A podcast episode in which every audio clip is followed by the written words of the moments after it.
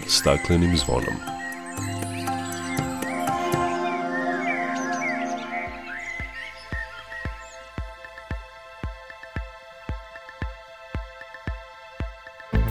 Dobar dan. Posle vesti u 9 časova, svake nedelje rezervisan je termin za emisiju pod staklenim zvonom u kojoj se bavimo ekološkim temama. Za danas smo vam pripremili priloge o najavi javne rasprave o novom predlogu zakona o vodama koji je vraćen na ponovno razmatranje. Ministarstvo za zaštitu životne sredine za 34 opštine u Srbiji obezbedilo je novu opremu za sakupljanje i reciklažu otpada – Podpredsednica vlade Srbije i ministarka energetike Zorana Mihajlović boravila je u Vrbasu gde je najavila projekte koji obezbeđuju energetsku efikasnost objekata. Iz Vrbasa nam je stigao i prilog o rešavanju problema otpadnih voda.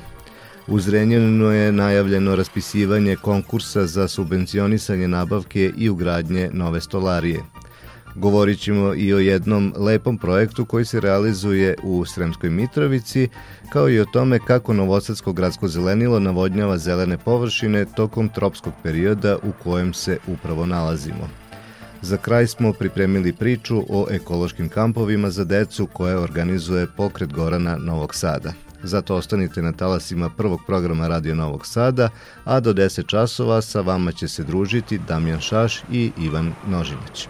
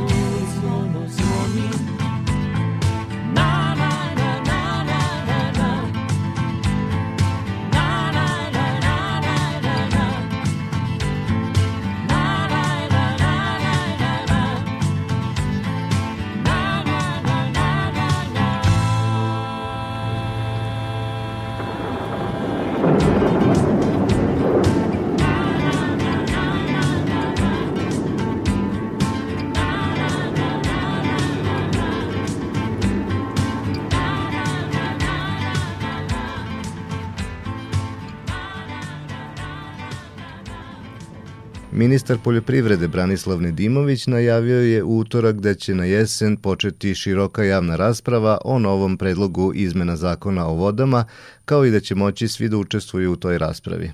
Nedimović je rekao da pre ili kasnije moramo da donesemo izmene zakona o vodama, jer ta materija mora na odgovarajući način da se reguliše.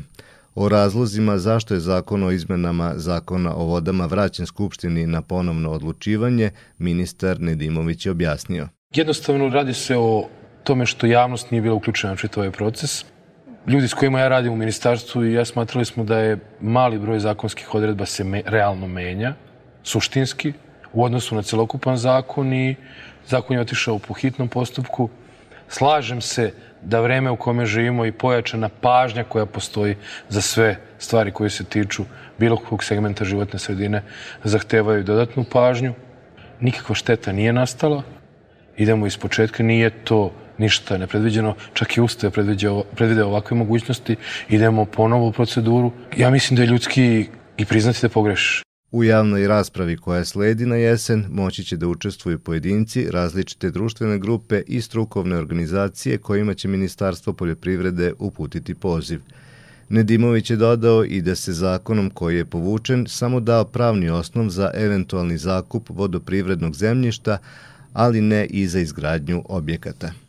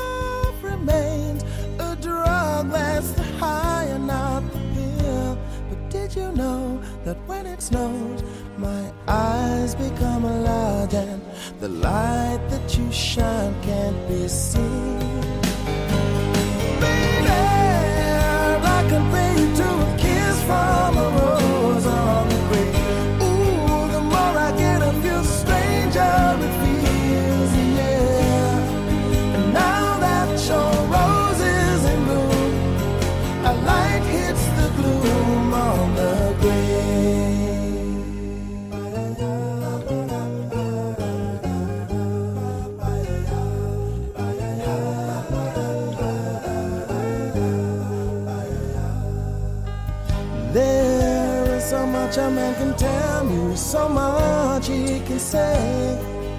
You remain my power, my pleasure, my pain, baby. To me, you're like a grown addiction that I can't deny. Won't you tell me, is that healthy, baby?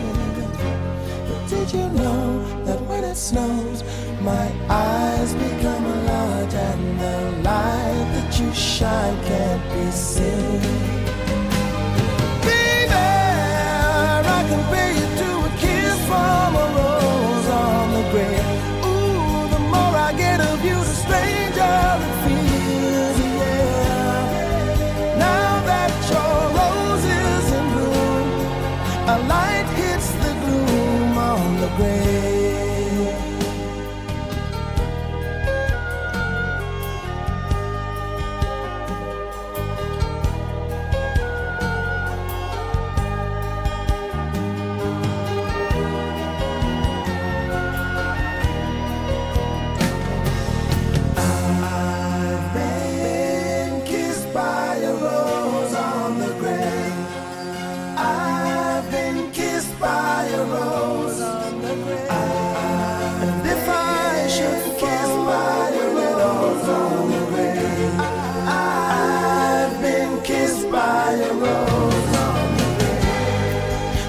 Man can tell me, so much he can say. You remain my power, my pleasure, my pain.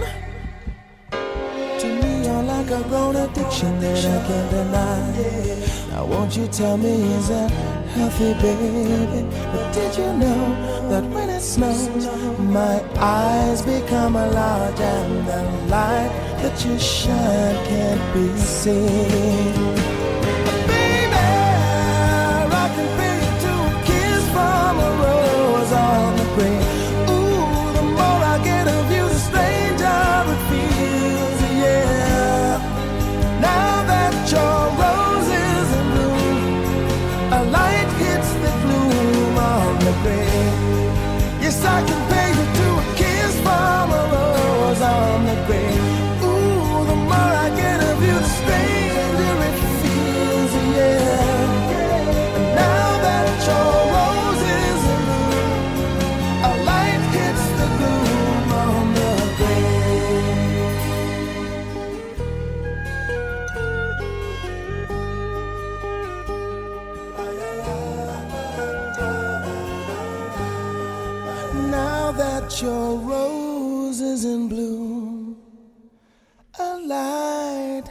The gloom on the grave.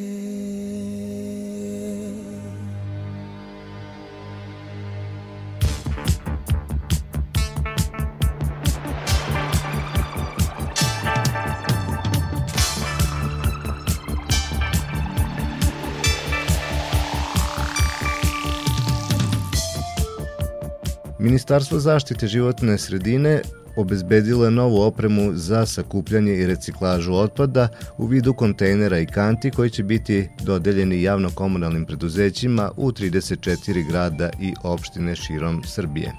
Reč je o ukupno 3225 kanti i 2940 kontejnera koji će doprineti da lokalne samouprave koje su na javnom pozivu prijavile potrebu za ovom opremom budu čistije i uređenije.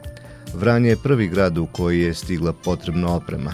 Pored kanti i kontejnera, resorno ministarstvo je obezbedilo i eko čistilice koje, pored čišćenja, služe i za dezinfekciju javnih površina, a mogu se koristiti i za održavanje manjih površina poput trotoara i dečijih igrališta.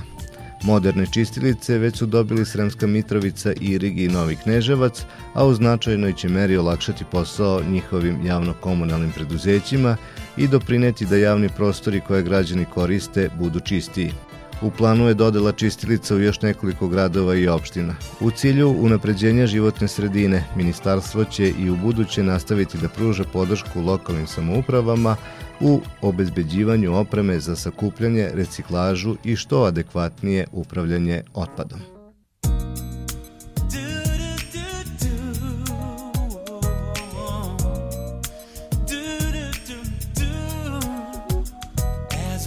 Love's a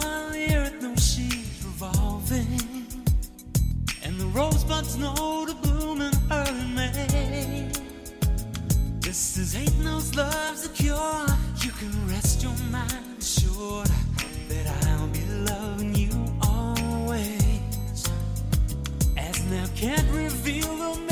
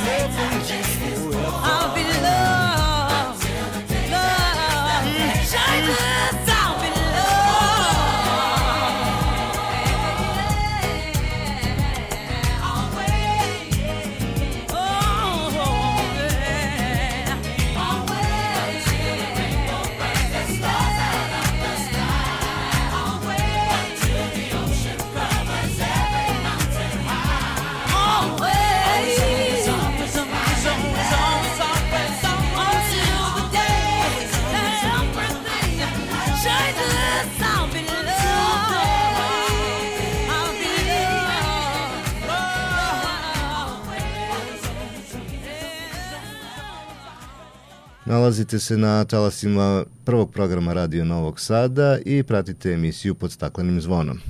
Podpredsednica vlade Srbije i ministarka energetike Zorana Mihajlović boravila je u ponedeljak u Vrbasu gde je potpisala ugovor o rekonstrukciji četiri vrtića i jedne osnovne škole. Projekat vredan 1,4 miliona evra finansira vlada Švajcarske. Najveći deo radova obuhvata zamenu stolarije i izolaciju, a sve u cilju poboljšanja uslova za školovanje oko 1400 mališana, ali i povećanja energetske efikasnosti objekata. Posle potpisivanja ugovora, ministarka Zorana Mihajlović naglasila je koliko je ovaj projekat značajan za vladu Republike Srbije, a osvrnula se i na dugoročne ciljeve Ministarstva energetike u oblasti proizvodnje energije iz obnovljivih izvora. Ovaj projekat je za vladu Republike Srbije jedan od najznačajnijih projekata, zajedno značajan sa projektom zamene stolarije koju smo počeli pre izvesnog vremena. Vrbas je grad koji se prijavio na konkursu i sada dalje sprovodi sve što je potrebno kako bi građani vrlo brzo mogli da se jave na javni poziv koji će raspisati opština Vrbas i krenuti u tu zamenu stolarije. Ali naši ciljevi su nekako dugoročniji. Mi hoćemo da do 2030. godine Srbija ima minimum 50% proizvedene toplote i električne energije iz obnovljivih izvora, ali isto tako hoćemo da smanjimo potrošnju električne i toplotne energije za 40% do 2030. godine. Koliki su efekti projekta koji zajedničkim snagama realizuju vlade Švajcarske i Ministarstvo energetike Republike Srbije? Nije mali novac koji se izdvaja od strane švajcarske vlade i pre svega Ministarstva rudarstva i energetike zajedničkim radom učinit ćemo da ne samo uštedimo e, na finansijskim sredstvima, to je jako važno, ali jednostavno učinit ćemo da ne bude emisija štetnih gasova, samo u ovom projektu u Vrbasu biće smanjena emisija ugljen dioksida za preko 400 tona. Ministarka Mihajlović najavila je da će u decembru biti objavljen drugi poziv za zamenu stolarije. Ja zaista očekujem da sve one opštine koje nisu se prijavili ili jednostavno nisu ispunile kriterijume i tako dalje, kao i one opštine koje to jesu radile, dakle očekujem ponovo Vrbas recimo da se javili bilo koja druga opština, Dakle, u decembru je novi poziv za zamenu stolarije. Svake godine naredne će biti najmanje tri javna poziva ka e, lokalnim samupravama, samim tim ka građanima za zamenu stolarije. Dakle, naš interes nije da ovo traje 20 godina. Naš interes je da se ovo narednih nekoliko godina zaista sprovede. Znači, narednih pet godina ovaj projekat traje. Sledeće godine će biti do 150 miliona evra samo za zamenu stolarije. Dodajmo na kraju da će poziv građanima za dodelu subvencija za ugradnju solarnih panela biti objavljen u septembru, a procedura će biti ista kao i kada je reč o zameni stolarije.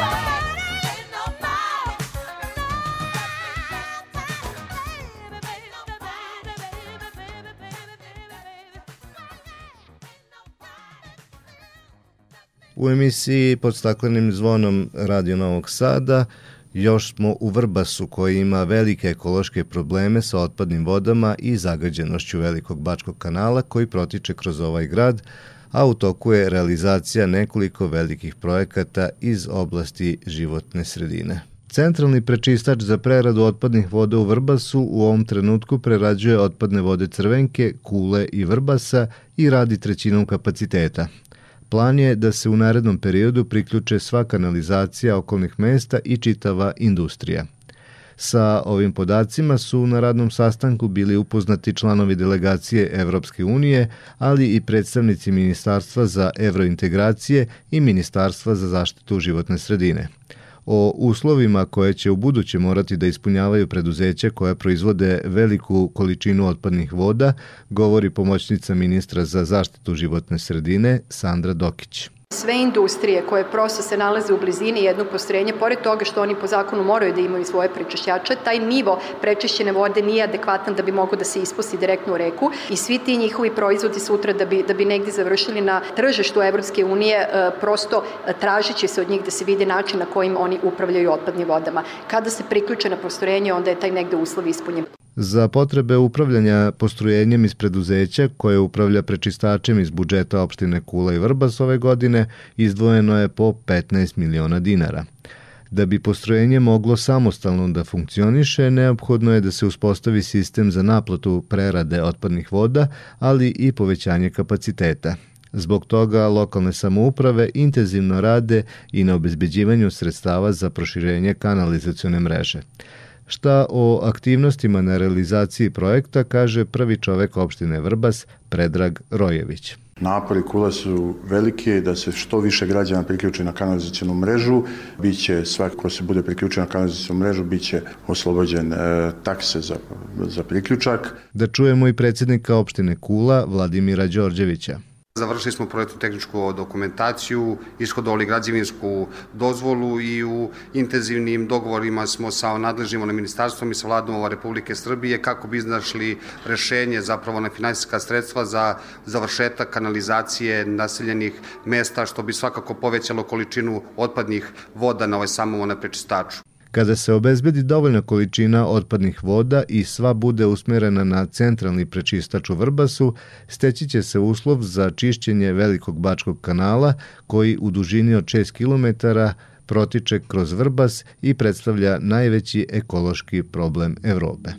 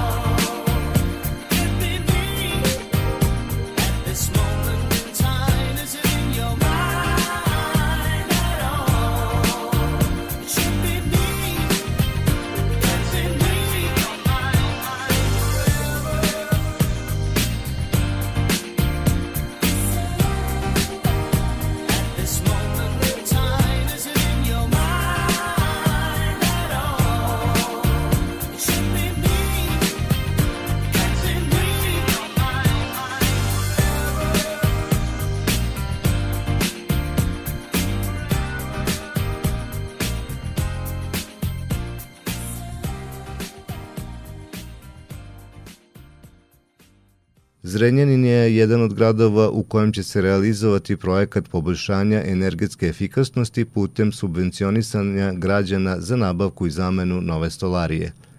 Kada se očekuje raspisivanje konkursa i ko sve ima pravo da učestvuje, čućemo od pomoćnice gradonačelnika Zrenjanina Jelene Travar-Miljević. Konkurs možemo očekivati do 10. avgusta za građane. Inače, žela bih da naglasim da je grad Zrenjanin izdvojio 10 miliona dinara iz svog budžeta i dobio podršku od Ministarstva rudarstva i energetike u iznosu od 7 miliona i 400 za mere energetske sanacije stambenih objekata.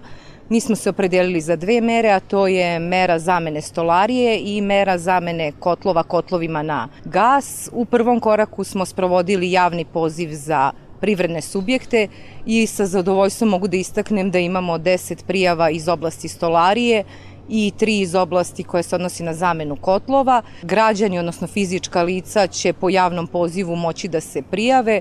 Osnovni kriterijume se odnose na energetsko stanje takozvano objekta i na broj članova domaćinstava kao jedan od kriterijuma koji će uticati na sam izbor. Grad će se potruditi da pruži podršku građanima i što više informacija prilikom samog popunjavanja prijavnog obrazca i konkurisanja. U principu svi građani koji ispune određene uslove imaju pravo. E, svesni smo da je velika zainteresovanost građana. Grad je formirao komisiju i ta komisija će na osnovu pravilnika i bodovne liste koja će biti svakako javno dostupna, odnosno kriterijumi za bodovanje će biti javno dostupni već u, u u samom početku raspisivanja, tako da ovaj, po toj bodovnoj listi biće rangiranje, naravno komisija će i obići objekte i pre i posle završetka radova.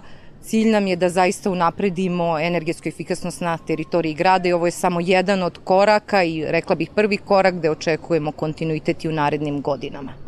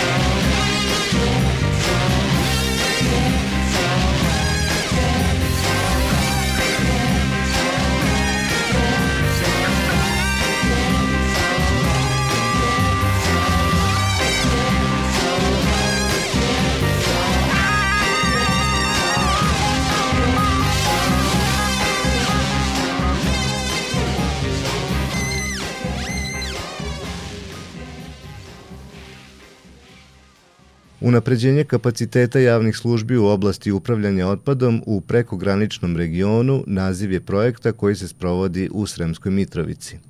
U utorak je tim povodom održana radionica za inspekciju i upravu u oblasti zaštite životne sredine koju je organizovao Pokrajinski sekretarijat za urbanizam i zaštitu životne sredine.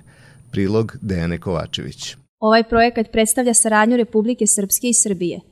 Predviđeno je da program traje 18 meseci, a ukupan budžet projekta iznosi 517.000 eura. Zajednički cilj je da se građanima pruži čistija, zdravija sredina i bolji život, izjavio je Pavle Rajković, pomoćnik pokrajinskog sekretara za urbanizam i zaštitu životne sredine.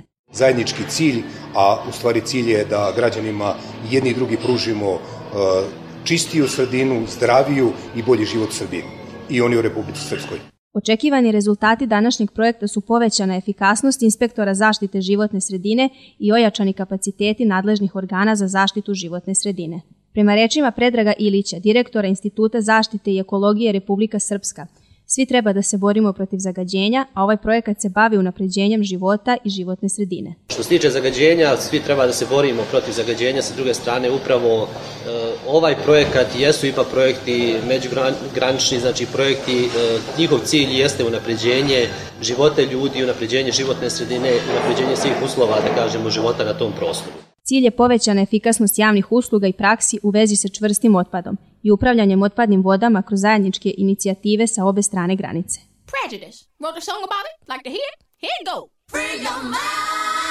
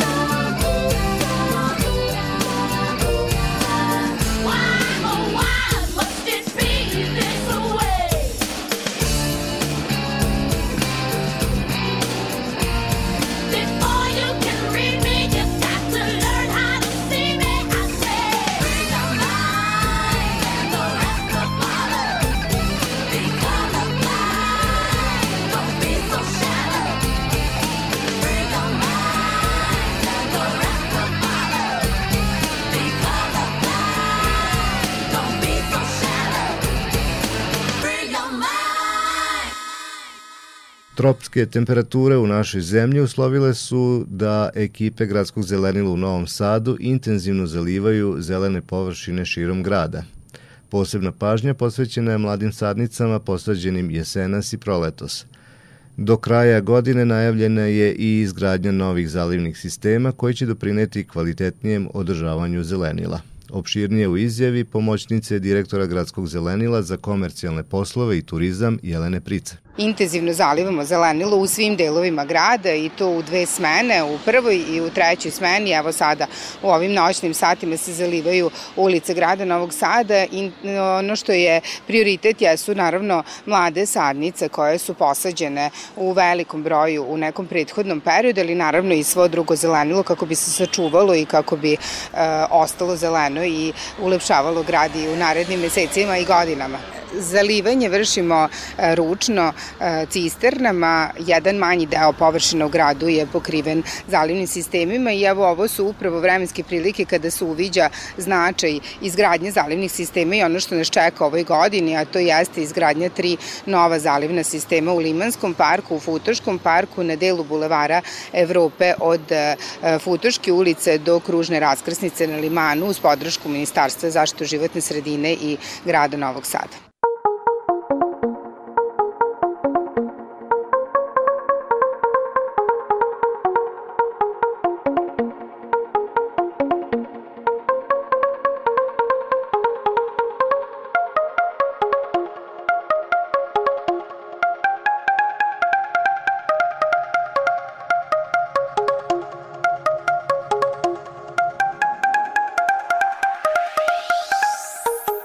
Pticoljub, prirodoljub, buboljub. Uprkos tome što na trenutak zvuči da se radi o vlastitim imenima ljudi, to ipak nije slučaj jer je reč o nazivima goranskih ekokampova koji će u organizaciji pokreta Gorana Novog Sada biti održani od 14. do 23. augusta. Kampovi su namenjeni deci i tinejdžerima od 9 do 12 godina. Detaljnije Milan Rakić. Ticoljub i Buboljub su kampovi za decu od 9 do 12 godina, dok je Prirodoljub predviđen za tinejdžere od 13 do 16 godina. Nazivi kampova dovoljno govore i o temama koje će biti razmatrane za vreme njihovog trajanja. Učesnici kampa će se u praksi upoznati sa onim što uče na časovima u školi, steći će nove veštine prilikom boravka u prirodi, a što je najvažnije, družići se sa svojim vršnjacima, obilazeći Frušku goru – kaže Sonja Konjović iz pokreta Gorana.